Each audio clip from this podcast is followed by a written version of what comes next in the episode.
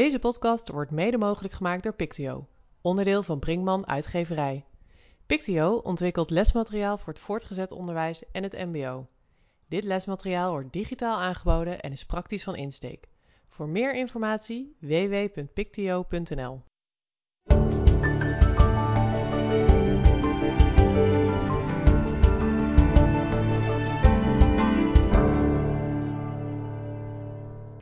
Goedenavond en welkom bij het Pictio Onderwijspodcast Verkiezingsdebat.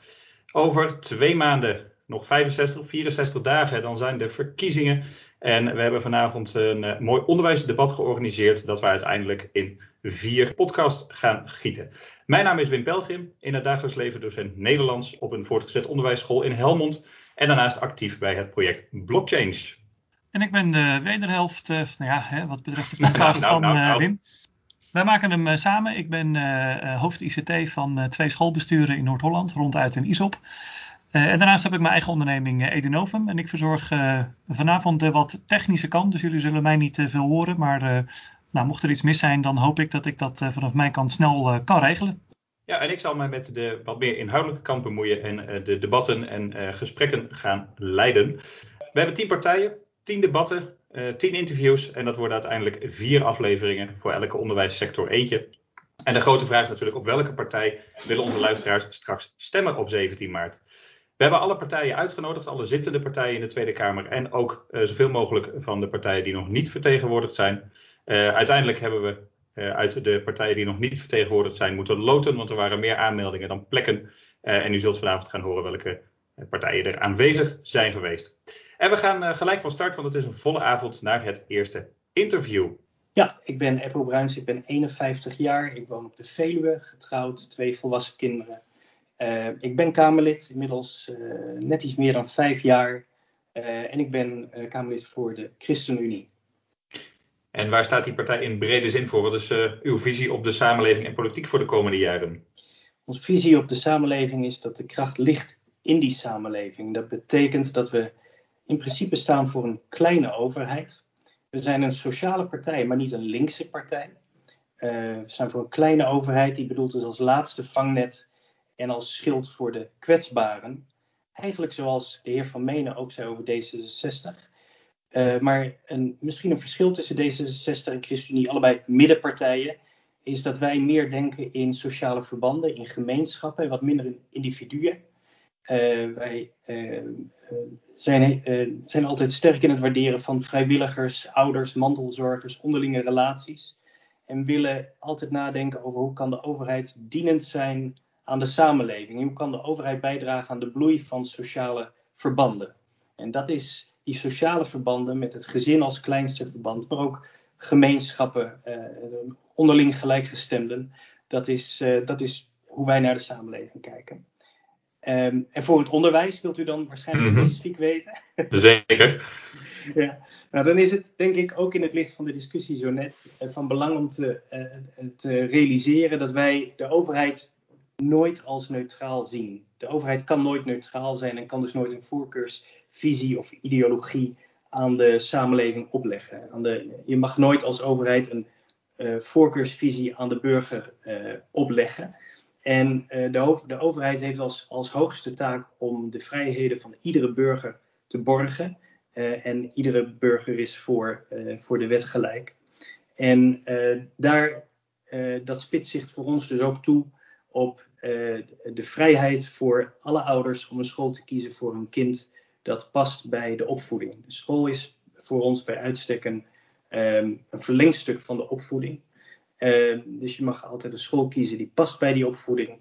Uh, en zo nodig ook een, school zelf oprichten. Dus een van de fundamentele vrijheden voor de ontplooiing en vorming van kinderen is die onderwijsvrijheid. Die voortkomt uit de gedachte dat een overheid ten diepste zelf nooit neutraal kan zijn. En ja, wat, wat, merk ik daar concreet van? Hè? Want ik probeer het altijd een beetje concreet te maken in dit blokje. Ja, voor onderwijs betekent dat dus dat wij pal staan voor artikel 23 en voor de gedachte dat ouders uh, zelf een school kunnen oprichten die past bij de opvoeding van hun kinderen. Um, en in tegenstelling tot wat ik toen straks uh, hoorde, onder andere bij de meneer van, van uh, Volt, is dat dat dus niet leidt tot eenheidsworst, tot een groep van mensen die allemaal op elkaar lijkt. Maar waar dat in Nederland juist toe leidt, is dat je ziet dat in het bijzondere onderwijs, met name in het protestants-christelijk onderwijs, er heel veel diversiteit is waar mensen uit van allerlei gezinten elkaar treffen. Ehm, en waar, waar eh, in het bijzonder onderwijs zijn, zijn meer etniciteiten te vinden dan op de gemiddelde openbare school. en we willen graag vanuit dat gedachtegoed dat iedereen welkom is, maar dat je wel een school kunt kiezen en oprichten die bij jou past. Van daaruit willen we graag de, de vrijheid van onderwijs behouden, die, die opkomt van onderaf, vanuit de samenleving en niet van bovenaf vanuit de overheid die denkt dat ze neutraal is, maar het in werkelijkheid nooit is. Paul Vermenen, vader, opa, uh, mijn hele leven in het onderwijs gewerkt en sinds 8,5 jaar lid van de Kamer. En woordvoerder onderwijs en kinderopvang. En uh, waar staat D66 in brede zin voor? Wat is jullie visie op de samenleving en de politiek? Nou, ons motto voor de komende verkiezingen is: uh, laat iedereen vrij, maar niemand vallen. En dat is denk ik een mooie samenvatting van waar, waar een sociaal-liberale partij, daar zijn we de enige in, voor staat. Hè? En ik uh, hou er heel erg van dat mensen in dit land, mijn partij houdt daarvan, eigen keuzes kunnen maken. Dat ze kunnen, zelf kunnen bepalen van wie ze houden. Dat ze zich kunnen ontwikkelen. Dat ze uh, hun eigen pad in het leven kunnen kiezen. Maar tegelijkertijd realiseer ik me ook, ook, ook vanuit mijn eigen leven, vanuit mijn eigen ervaring, dat dat niet iedereen gegeven is. En dat we mensen ook moeten steunen waar dat nodig is. Het CDA is er vanavond geloof ik niet bij, maar ik pak dan toch even graag dat schild van de zwakkeren. Uh, dat ben je ook als samenleving. En uh, dat komt in onze partij heel sterk tot uiting in het feit dat wij onderwijs als eerste prioriteit, een hoogste prioriteit hebben. Dat is de kans voor iedereen om zich te ontwikkelen, om vrij te zijn. Maar tegelijkertijd, en het is al vaker gezegd vanavond, is het ook de kans om iedereen mee te nemen in onze samenleving. En natuurlijk heeft de een daar meer bij nodig dan de ander. daarnaast zijn we natuurlijk nog een Europese partij. We vinden dat sommige, een klimaatprobleem, migratie eh, en dergelijke, veiligheid, dat dat zaken zijn die eh, verder gaan dan eh, binnen onze eigen grenzen op te lossen zijn. Dus we zijn ook een internationale partij. Onderwijs is één. Nou, en dan binnen het onderwijs hebben we de eerste vragen daarover in het interview dus elke keer. Wat willen jullie veranderen in de komende jaren en wie gaat daar concreet ook echt iets van merken? Ja, nou daar gaat wat mij betreft iedereen iets van merken. Maar het is niet zo dat wij als D66 pleiten voor een Haagse blauwdruk van hoe het onderwijs eruit wil zien. We hebben gekeken, dat heeft zich ook vertaald in een, in een visie die u allemaal kunt lezen, d66.nl slash onderwijsvisie. 44 voorstellen voor basisonderwijs, voortgezet onderwijs een vergelijkbaar verhaal voor het MBO en voor het hoger onderwijs. Uh, het is allemaal erop gericht om iedereen de beste kansen te geven. dat doe je vooral door dingen mogelijk te maken. Leraren, ouders willen het beste voor hun kinderen, maar er staat heel veel in de weg. In systemen, in te weinig geld, in drempels die we opwerpen, in zorg die niet beschikbaar is op de, op de goede manier, et cetera. Daar doen we heel veel voorstellen. We beginnen bij het allerjongste kind, gratis kinderopvang, gratis naschoolse opvang, een rijke schooldag voor ieder voor ieder kind. dus niet alleen maar als je ouders je kennis kunnen laten maken met sport, met cultuur, met huiswerkbegeleiding, noem het allemaal maar op. Dat zou ieder kind moeten kunnen krijgen in ons land. Uitstel van selectie, uh, geduld, veel meer geduld. Uh, het maatwerkdiploma is al door uh, een andere partij ook genoemd. Daar zijn we ook voorstander van. veel, meer, veel minder aanbodgericht, veel minder toetsgericht, veel, minder gericht, veel meer gericht op de ontwikkeling van, van jonge mensen. Nou, een, hele, heleboel voorstellen kan ze hier niet allemaal vertellen, maar dat is de kern. En wat moet er vooral hetzelfde blijven de komende jaren? Wat mag er niet veranderen in het onderwijs?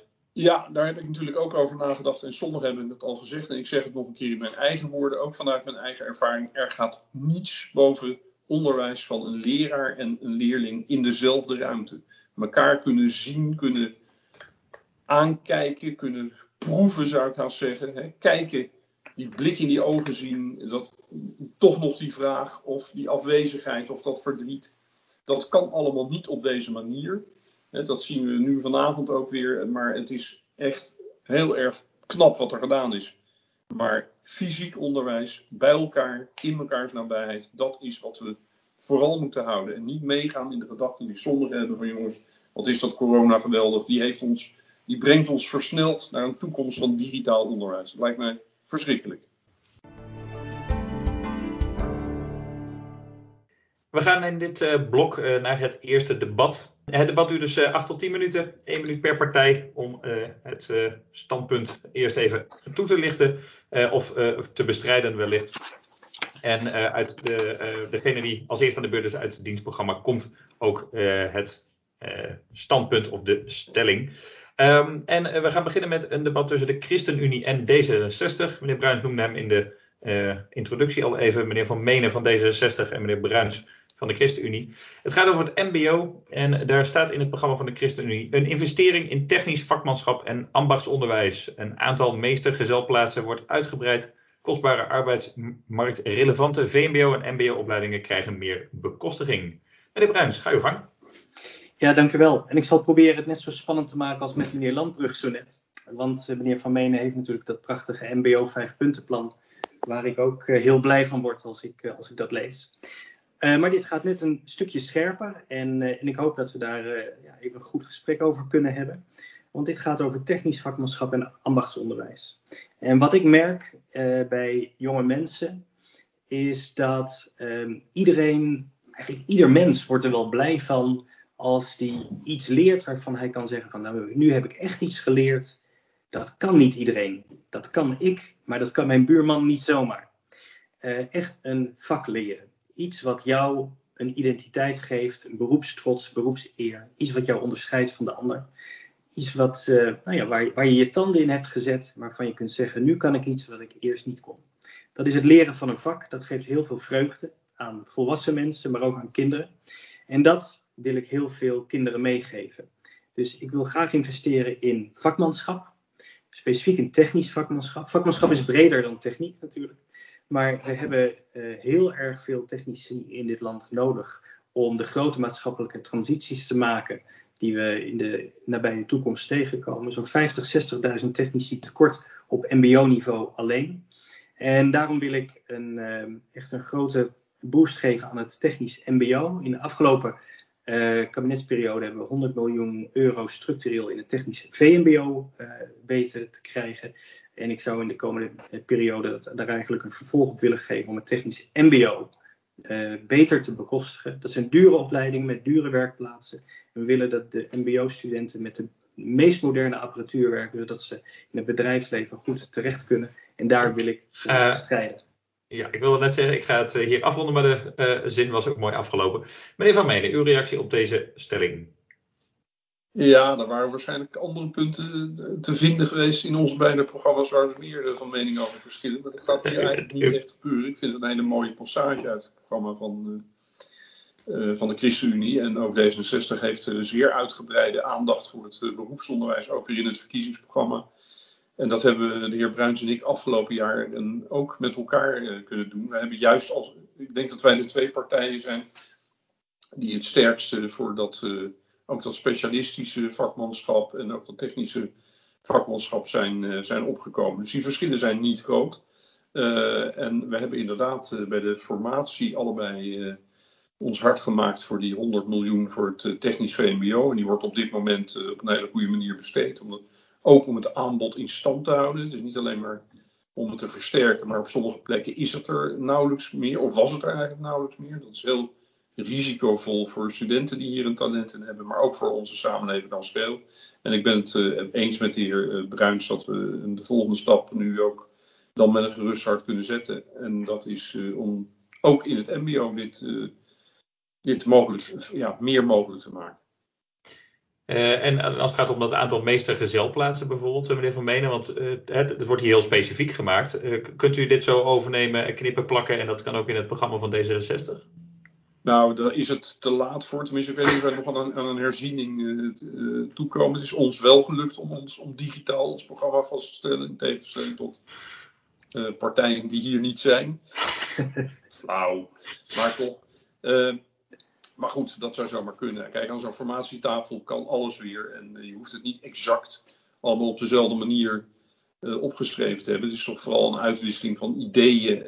en ook, een, ook elkaar de hand reiken, zal ik maar zeggen. En op dit punt ben ik ervan overtuigd dat mijn partij, de ChristenUnie, de hand zal reiken. Mochten wij weer samen op, aan, die tafel, aan die tafel zitten. Misschien mag ik er nog één ding over zeggen, waar ik ook voor pleit. En dat gaat dan over het voortgezet onderwijs. In het kader van waar het net over ging, dat hoger, lager. Hè. We denken voortdurend in, hè, in onze samenleving ook in hoger en lager. Ik stel voor om dat voortgezet onderwijs, om daar ook andere namen te kiezen. Dat speelt ook een rol. Hè, om te zeggen, laten we praten over beroepsgericht, vakgericht, eh, academisch gericht, eh, onderwijs, praktijkgericht, niet te vergeten. Daar gaan we nog in januari ook uh, over het praktijkonderwijs debatteren. Dat zijn termen die veel minder een hoger-lager in zich hebben dan uh, VMBO, HAVO, et cetera. Dus allemaal bedoeld om ook heel duidelijk te maken dat het beroepsgerichte onder. Er is eigenlijk, laten we wel zijn, ik heb er mijn hele leven in gewerkt en meegewerkt. Er is niks mooiers dan beroepsonderwijs. Nou, ik, aangezien jullie het zo ontzettend met elkaar eens zijn, ga ik natuurlijk de knuppelen in het hoenderhok gooien. want dat technisch vakmanschap en dat ambachtsonderwijs, we hebben het eerder op tafel ook al gehoord. Er is al jarenlang, ik ben nu 36, ik kan me nog herinneren dat ik allerlei extra technieklessen kreeg op de basisschool om techniek te stimuleren. En dan hebben we het dus over eind jaren 90. Daar is dus al, al weet ik hoeveel geld en tijd en aandacht tegenaan gegooid. En nog steeds kiezen mensen niet voor techniek. Dus gaat dit überhaupt hè, dat, dat tekort aan technisch personeel oplossen? Want dat, wat we de laatste 30 jaar hebben gedaan, heeft blijkbaar nog niet geholpen.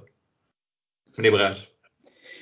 Ja, um, ik zie wel dat in het uh, theoretische onderwijs, zoals ik dat noem, op het academisch onderwijs, dat het uh, aantal beta's wel is toegenomen. Dat um, zie je dan overigens wel meer in, um, in de maatschappijgerichte beta-vakken. Uh, de vakken waar de heer Van Menen en ik groot in zijn geworden, de wiskunde, respectievelijk de natuurkunde, dat, dat blijft. dat, dat blijft klein, zeg maar. Maar zaken als medische technologie en zo, dat, dat wordt wel steeds aantrekkelijker gevonden. Wat ik zie op MBO-niveau is dat techniek nog steeds, dat we veel te weinig mensen opleiden. En ik denk wel, en dat, dat durf ik wel te zeggen, ik denk wel dat Nederland een cultureel probleem heeft. Het beeld wat we hebben van technici, dat dat mensen zijn met, met olie aan de vingers en die, die de hele dag staan te schroeven dat uh, nou, naast dat het beeld niet meer klopt, is dat ook zeker een beeld wat niet minderwaardig gevonden hoeft te worden. Um, en ik denk dat een cultuuromslag, hè, dat we van de, de, de, de, de koopman dominee naar een volk van vakmensen en technici gaan, dat heeft één, twee generaties nodig. Um, en daar heb je rolmodellen bij nodig en daar heb je ander onderwijs bij nodig. En ik denk dat eh, als ik, als ik politiek kijk, dan zie ik dat uh, technische opleidingen worden uh, onderbekostigd. Het zijn gewoon hele dure opleidingen. En als je wil dat je uh, jonge mensen met de beste apparatuur werken en met de beste docenten, dan moet je zorgen dat het technisch onderwijs gewoon heel erg goed bekostigd wordt. Uh, en dat moet je samen ook nog eens met het bedrijfsleven en het, en het beroepenveld opzetten. Maar ik moet zeggen, ons MBO wordt internationaal zeer hoog aangeschreven. Er komen groepen vanuit het buitenland naar ons MBO kijken. Ons beroepsonderwijs is werkelijk van wereldniveau. Maar als Nederland kijken wij er, kijken veel mensen erop neer. En dat is een, een, een, cultureel probleem. En daar heb je heel erg veel tijd voor nodig. En dat lukt je niet met een slimme meid is op haar toekomst voorbereid. Dat zal je met, het zal doordezend moeten zijn in je samenleving. Dat wij technici en vakmensen hoog achten. En dat we beseffen dat we ze nodig hebben. En hoe meer we ze tekort hebben, hoe meer we ze zullen leren waarderen. Ja, ik ben uh, Johnny Lucassen en uh, nog geen Kamerlid. Ik ben uh, kandidaat Kamerlid en ik sta op plek 8 van de kieslijst van de SGP. Um, ehm, in dagelijks leven werk, werkzaam in het onderwijs, dat heb ik net ook al aangegeven. Nou, onze partij, dat zal voor de velen niet onbekend zijn, dat staat eigenlijk voor dat, een, een, een genormeerde politiek, waar je, die je eigenlijk samen zou kunnen vatten van en die staat ook in het verkiezingsprogramma God liefhebben boven alles. En ook uh, je naast als jezelf. En dat laatste wil ik ook echt wel benadrukken. je naast ook liefhebben als jezelf. En dat geldt in de breedste zin van het woord. En daar wordt denk ik soms wel eens aan voorbij gegaan dat dat ook echt wel in ons verkiezingsprogramma staat en dat we ook zo willen werken. Nou, waar staat de partij aan zich dan verder nog voor? Hè? Dat, dat gaat over, we zijn een partij die staat voor het leven, sterk gezin, goede zorg, veiligheid, politie, defensie, rentmeesterschap, zorgvuldig omgaan met de wereld, klimaat, voedsel, energie en een financieel degelijk beleid. Als we dan kijken vervolgens naar het onderwijs. U, u, het lijkt alsof u de vraag al eerder hebt gehoord vanavond. Ja, dat klopt. Ja, ook, ja. En, en natuurlijk, het was ook allemaal netjes toegestuurd uh, door u als organisatie. Nou, als we kijken naar onderwijs, dan uh, sluit ik ook aan bij wat de heer Quint ook aangaf van de SP. Dat gaat over die, dat, dat vertrouwen die professional die voor de klas staat. Hè? Die docent, die leerkracht, die dagelijks met kinderen bezig is. En die heeft juist heel veel invloed op de vorm en de inhoud. En die is ook onmisbaar voor het goed onderwijs. Dus daar sluit ik helemaal bij aan wat de heer Quint ook aangaf. Um, we hebben met D66 bijvoorbeeld ook uh, aangegeven als het gaat over uh, rondom het leenstelsel, de basisbeurs. Dat we daar ook na de verkiezingen ons zeker hard voor willen maken. Met name ook voor de middeninkomens. Inzet op vakonderwijs. Ik denk dat dat ook zeer essentieel is. We zitten straks ook in het blokje van MBO. Maar dat start wat mij betreft al op het VMBO, HBO, MBO, zeker niet veel. En um, wat ik ook wel merk, is dat in de achterliggende jaren heel veel aandacht was voor techniekonderwijs. In de breedste zin van het woord. En dat vind ik positief. Maar we merken nu allemaal in de coronatijd waarin we nu leven, dat ook de zorg uh, en de welzijnssector en het onderwijs uh, ook nog wel een steuntje in de rug kunnen uh, krijgen als het gaat over om die opleiding ook in de picture te zetten en te ondersteunen. En ehm, Daarom ook uh, steun voor het puntenplan voor het MBO, wat ik ook uh, met veel genoegen kennis van heb genomen van de heer Van Menen. Die heeft er net ook al wat over gezegd. En als het gaat over onderwijsinspectie op basis van vertrouwen en redeneren vanuit de bedoeling. En goed onderwijs aan onze kinderen, dat zit de docenten in de geen, anders ga je niet in het onderwijs werken.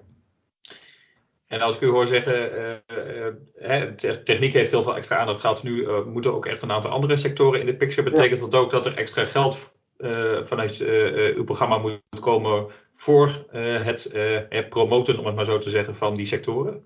Ja, kijk, ja, ik denk het wel. Want kijk, voor de techniek komt het vaak ook uit het beroepenveld. En zitten er ook bedrijven achter die ook financiële armslag hebben. Dat merk je toch dat het in de publieke sector, als het gaat over gezondheidszorg en welzijn, daar heb je dat niet zo. Hè, dat daar grote partijen achter zitten die nou een flinke stevige duw in de rug uh, kunnen doen. Dus ik zou het mooi vinden als we daar ook uh, aandacht voor uh, zouden hebben. En dat, ja, dat merken we nu allemaal. En, en wat betreft behouden, ja, daar, daar zou ik niet verbaasd van opkijken dat ik met name als het gaat over de vrijheid van onderwijs, hè, waar we eigenlijk ook net het debat over hadden. En um, ja, ons verkiezingsprogramma heeft ook wel uh, heel wat punten. Uh, ik weet niet precies uit mijn hoofd hoeveel, maar dat loopt ook al gauw in de 50 tot 60 punten als het gaat over onderwijs. Van PO tot, uh, tot HBO universitair. Maar waar ik mij vooral ook wel opviel is dat we op dit moment absoluut niet aan de slag moeten gaan met een hele wilde ideeën rondom het aanpassen van het basis- en voortgezet onderwijs. En om dat anders in te gaan richten. Maar laten we ons vooral richten op juist de, de inhoud en de, de professionaliteit van de docenten te versterken. Ja, bij deze goede avond nogmaals. Mijn naam is Daryl Landbrug. Ik ben inmiddels 35 jaar, kom uit Amsterdam. Ik ben nog geen Kamerlid, want bij één heeft nog nooit in de Kamer gezeten. Maar ik sta wel op de lijst, op nummer 5. Ik ben daarnaast, geef ik les op de Hogeschool van Amsterdam, dat is HBO. Dat is nu mijn derde jaar. Daarnaast ben ik jongerenwerker. Ik werk veel met jongeren die in het zogeheten sociaal-economisch lage niveau fungeren. En ik geef daarnaast ook met collega's in het jongerenwerk geven wij huiswerkbegeleiding aan groep 7 en 8 in de eerste klas, geheel gratis na school.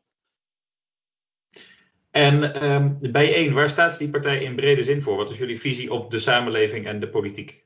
Ja, dat is een goede vraag, denk ik. Bijeen staat voor een radicaal en gelijkwaardige samenleving waar dus mensen eerst voorop worden gesteld. En dat is natuurlijk iets wat we veelal bij heel veel partijen gelukkig terug horen. Maar wat wij vooral vinden is wat, dat we zien is dat de overheid momenteel veel keuzes maakt die multinationals ten goede komen. En niet zozeer de hardwerkende mensen hier. En daarnaast vinden wij ook dat deze samenleving tekortschiet in wie men wilt of besluit mag zijn. En wat je wilt uitdragen in deze samenleving. Op basis van je gender, je seksualiteit of misschien wel de klasse waar je in zit. Er zijn heel veel dwarsverbanden in onderdrukkingen en uitdagingen die mensen ervaren. En voor die mensen komen wij het graag, heel erg graag. En we hebben ook een credo daarin dat we ook zeggen, niet, uh, niet, niet zonder de mensen, maar met de mensen. En voor het onderwijs, wat willen jullie de komende jaren concreet gaan veranderen en wie gaat er iets van merken? Ja, nou, het voordeel is wel denk ik op het moment dat je helemaal mond uitzet en alle andere partijen moet horen, dat je al een beetje hebt kunnen horen wat er al gezegd is. Dus ik kan een beetje kiezen. Maar waar wij echt abrupt een einde al willen hebben is onderwijssegregatie. Dat is echt iets wat in Nederland zwaar onderschat wordt en echt een groot probleem is. Onderwijssegregatie willen wij tegengaan door onderadvisering aan te pakken, maar ook de vroegselectie tegen te gaan als het gaat over dus de, de, de vervolgkeuzes, uniforme toetsing. Maar we willen ook eigenlijk inclusie, wat ik net al in de stelling aangaf, als het gaat over minder, of in ieder geval niet-westerse stromingen of ideeën, en kolonialisme wat niet behandeld wordt. Dat zijn veel meer dingen die wij tegen willen gaan. En dat gebeurt momenteel te weinig. Dat zien wij helaas te vaak nog gebeuren. En wat zou er hetzelfde moeten blijven? Wat mag er niet veranderen in het onderwijs? Ja, heb een mooi voorbeeld bij. Ik denk dat het inherent is aan het vorige punt. Wij hebben namens Amsterdam bijeen, dus de lokale gemeentelijke afdeling, is er als eenmansfractie eigenlijk, één zetel, is er een motie aangenomen waarin bijvoorbeeld de thuissituatie van kinderen niet meer mee wordt gewogen in het schooladvies. Wat eigenlijk bizar is als je erover nadenkt, maar schijnbaar was dat heel normaal. Door te zeggen van, nou ja, het gaat niet zo lekker thuis, of er zijn schulden, of er is verslaving. Jij kan niet een, een niveau hogerop. Nou, dat hebben we als eenmansfractie eruit kunnen halen in de gemeenteraad van Amsterdam. Dat zijn ontwikkelingen die wij graag in heel Nederland zouden willen zien. Want laten we wel wezen, we zitten hier met z'n allen om het beste onderwijs aan te kunnen bieden. Te beginnen voor kinderen. En uh, wat is het belangrijkste argument geweest om, om dat eruit te halen? Want ik heb even advocaat van de duivel spelend. Ik kan me voorstellen dat iemand die misschien uh, een havenadvies uh, zou kunnen halen, maar thuis zijn emmertje emotioneel al vol heeft zitten met van alles, dat er misschien ja. nu niet uitkomt. Dus dan is misschien een MAVO of VMBRT-advies, afhankelijk van hoe het genoemd wordt op de school, ja. misschien toch beter. Dat zou kunnen, maar het zegt denk ik al veel dat we daarvan uitgaan. Op het moment dat er studenten of scholieren zijn die problemen ervaren, dan is het als ons als samenleving of als school te beginnen om daar ondersteuning te kunnen bieden. We kunnen onmogelijk alleen maar zeggen omdat het thuis niet goed gaat en omdat je te veel last gaat opleveren, zet je maar een niveau lager. En met überhaupt het woord lager zijn al problemen, wat ook vorige partijen al hebben gezegd. Dus dat is niet de manier waarop we het willen aanvliegen. We willen het hele systeem veranderen in plaats van aan symptoombestrijding. Daar hebben we gewoon geen tijd meer voor. Dan uh, gaan we naar het laatste debat. Is tussen de SGP en Bijeen. En het, komt, uh, het, het, standpunt komt uit het verkiezingsprogramma van de SGP. Dus u gaat meneer Lucassen weer horen zometeen. En daarna meneer Landbrug. En de, het standpunt is: de aansluiting tussen voorbereidend en middelbaar beroepsonderwijs moet verbeteren. Zonder dat dit leidt tot meer prikkels om onderwijsinstellingen samen te voegen. Meneer Lucassen, één minuutje om dit toe te lichten. Ja, dank u wel. Ja, kijk, uh, uh, om een beetje vanuit de praktijk uh, te praten, als het gaat over de aansluiting tussen het VMBO en het MBO, zien wij, zie ik, dat er best wel mogelijkheden zijn om die aansluiting wat te verbeteren. En omdat ik weet dat met name ook vooral in het VMBO, als het gaat om de beroepsgerichte vakken, uh, daar goed onderwijs wordt gegeven. Uh, de examens die daar bijvoorbeeld ook worden afgenomen zijn, voor, zover ik kan bekijken, ook van hoge kwaliteit. En als je dan doorstroomt als uh, leerling, dan merken wij vaak dat er een heleboel dingen weer opnieuw worden gedaan in het MBO. Je start, je, start, weer een soort van opnieuw. veel stof is soms hetzelfde. herhaling is niet per definitie fout. Maar het zou best uh, goed zijn om die, uh, die, die leerlijnen beter op elkaar aan te sluiten. Uh, zodat de student soms ook um, um, sneller door kan stromen. niet dingen per se dubbel hoeft te doen. een opleiding in een wat kortere tijd af kan ronden. Misschien eerder kan kijken of hij daarnaast nog verder wil opleiden als het gaat om het HBO. Ook daar proberen we als uh, in mijn werk ook dagelijks uh, te zoeken van kan je daar nog uh, aansluiten. Je ziet bijvoorbeeld nu die AD-trajecten op, op niveau 5, die ook nu steeds meer in beeld komen voor studenten. Dus ik denk dat daar echt tijdswinst te boeken is. Dus dat is eigenlijk een beetje de achtergrond ook van dit standpunt als het gaat over het aansluiten. En daar zijn in de praktijk ook hele mooie voorbeelden van te benoemen. Daar komen we dan misschien zo op terug. Ik ga eerst eventjes een minuut geven aan meneer Lambrug. Ja, dank u wel voor deze stelling allereerst. We zijn het in grote lijnen er helemaal mee eens. Weet je, dat, dat die, die brug die geslagen moet worden, dat die veel beter en efficiënter moet. Want we zien ook dat docenten inderdaad overuren maken. Maar uit onze ervaring zien we ook dat heel veel schooluitval onder mbo'ers daar echt een probleem is. En dat we ook psychische problematiek zwaar onderschatten. Juist ook op het mbo, maar ook in de aanloop daar naartoe. Er zijn ook vaak geen stagevergoedingen voor mbo's, et cetera. Dus ik merk wel dat, we, dat, er, dat ik zeker hetgeen herken, wat meneer ook aangeeft. Waar ik wel mijn problematische ideeën bij heb, is het systeem waar wij momenteel in zitten. Wij pleiten als bijeen meer voor een radicale systeemverandering. In het onderwijs, dus ook in het MBO. Waarin wij bijvoorbeeld willen aangeven dat wij het MBO gratis, juist voor die toegang kunnen maken als het gaat om VMBO-studenten. En dat we het salaris van de docenten significant omhoog gooien. En niet alleen met een, een keertje met een coronabonus ervan afdoen. Nee, die mensen die zijn nodig, want MBO, de samenleving draait om het MBO. Draait op het MBO. We moeten deze mensen veel meer gaan waarderen. En we hebben het ook vaker gehoord vanavond in hoog en laag opgeleid. Nee, daar moeten we mee kappen. Deze mensen zijn op zijn minst praktisch opgeleid, zodat wij ons werk al kunnen doen middels een laptop of een, of een bureau dat we nodig hebben. Dus ik ben het er zeker mee eens, al ben ik wel van mening namens bijeen dat er een systeemverandering nodig is. En dat hoor ik niet terug in uw verhaal. Nou, daar wil ik wel even op reageren. Want eh, als het gaat over de systeemverandering. Ik zou bijvoorbeeld, uh, waar wij wel tegenaan lopen. als het gaat over die doorgaande leerlijn van het VMBO naar het MBO is dat uh, je zit met de examinering, eh, is soms een knelpunt. als het gaat over niveauaansluiting. Um, dat zijn dingen die wij echt wel opzetten. Het zit ook soms met de financiering. Als je een doorgaande leerlijn wil creëren tussen het VMBO en het MBO. Dat zijn wat mij betreft wel een aantal dingen die je aan zou kunnen passen. En als het dan gaat over goede voorbeelden. Is wat wij bijvoorbeeld doen in mijn dagelijkse praktijk. Is dat wij uh, met name voor uh, VMBO-studenten, uh, voor dienstverlening op niveau 2, een, een, een, zomerschool hebben. Dus leerlingen doen op het VMBO examen, het zij in LEA 3 of 4, ergens rondom april, mei. En zodra ze dat gedaan hebben, komen ze naar ons. we hebben daar goede afspraken over. Dan krijgen ze nog drie dagen les tot aan de zomervakantie.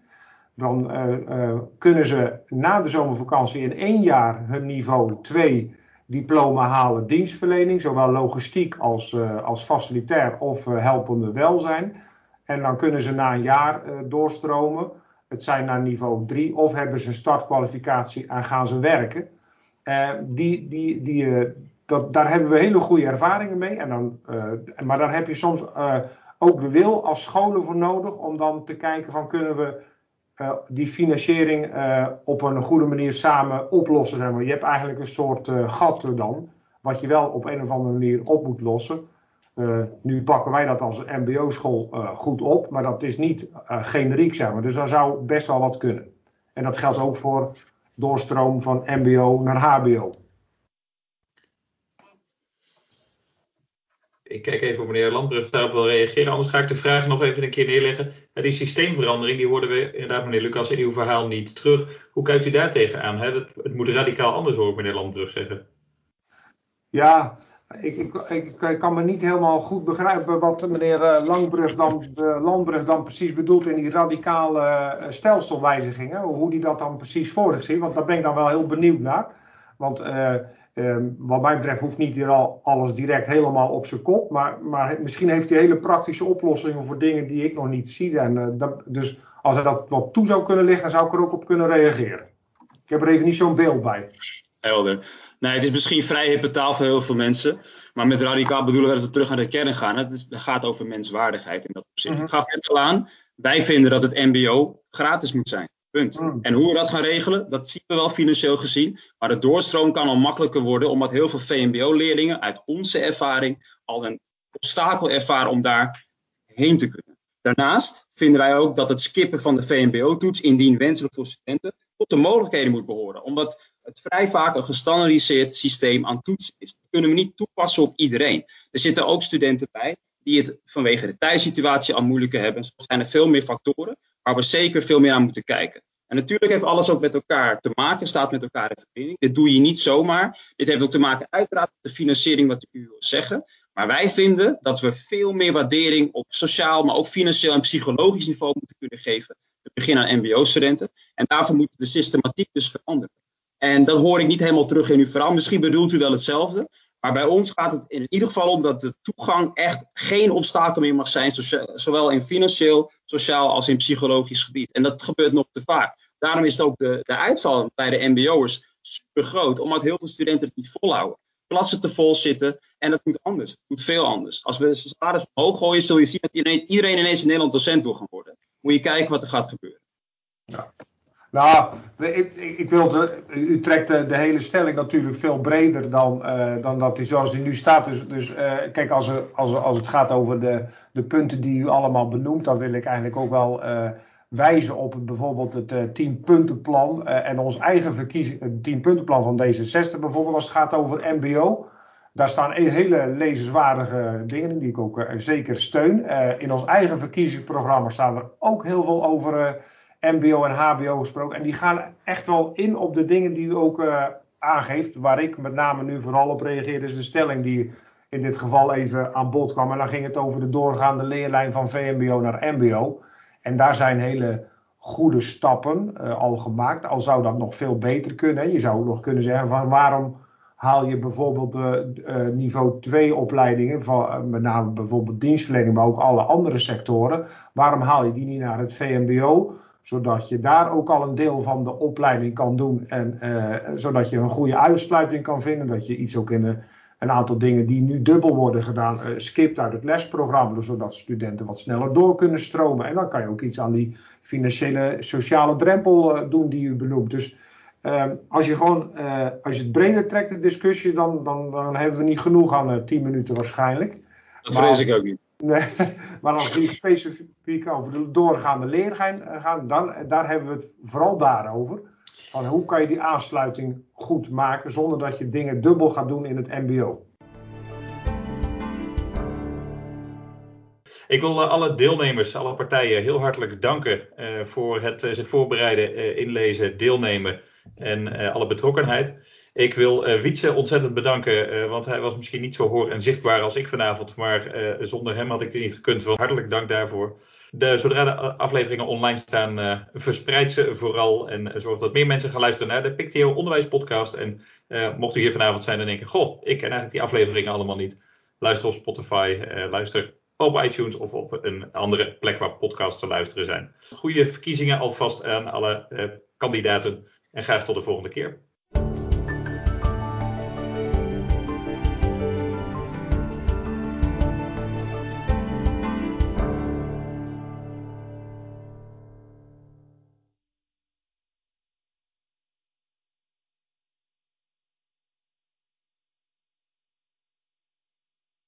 Deze podcast wordt mede mogelijk gemaakt door Pictio. Voor meer informatie www.pictio.nl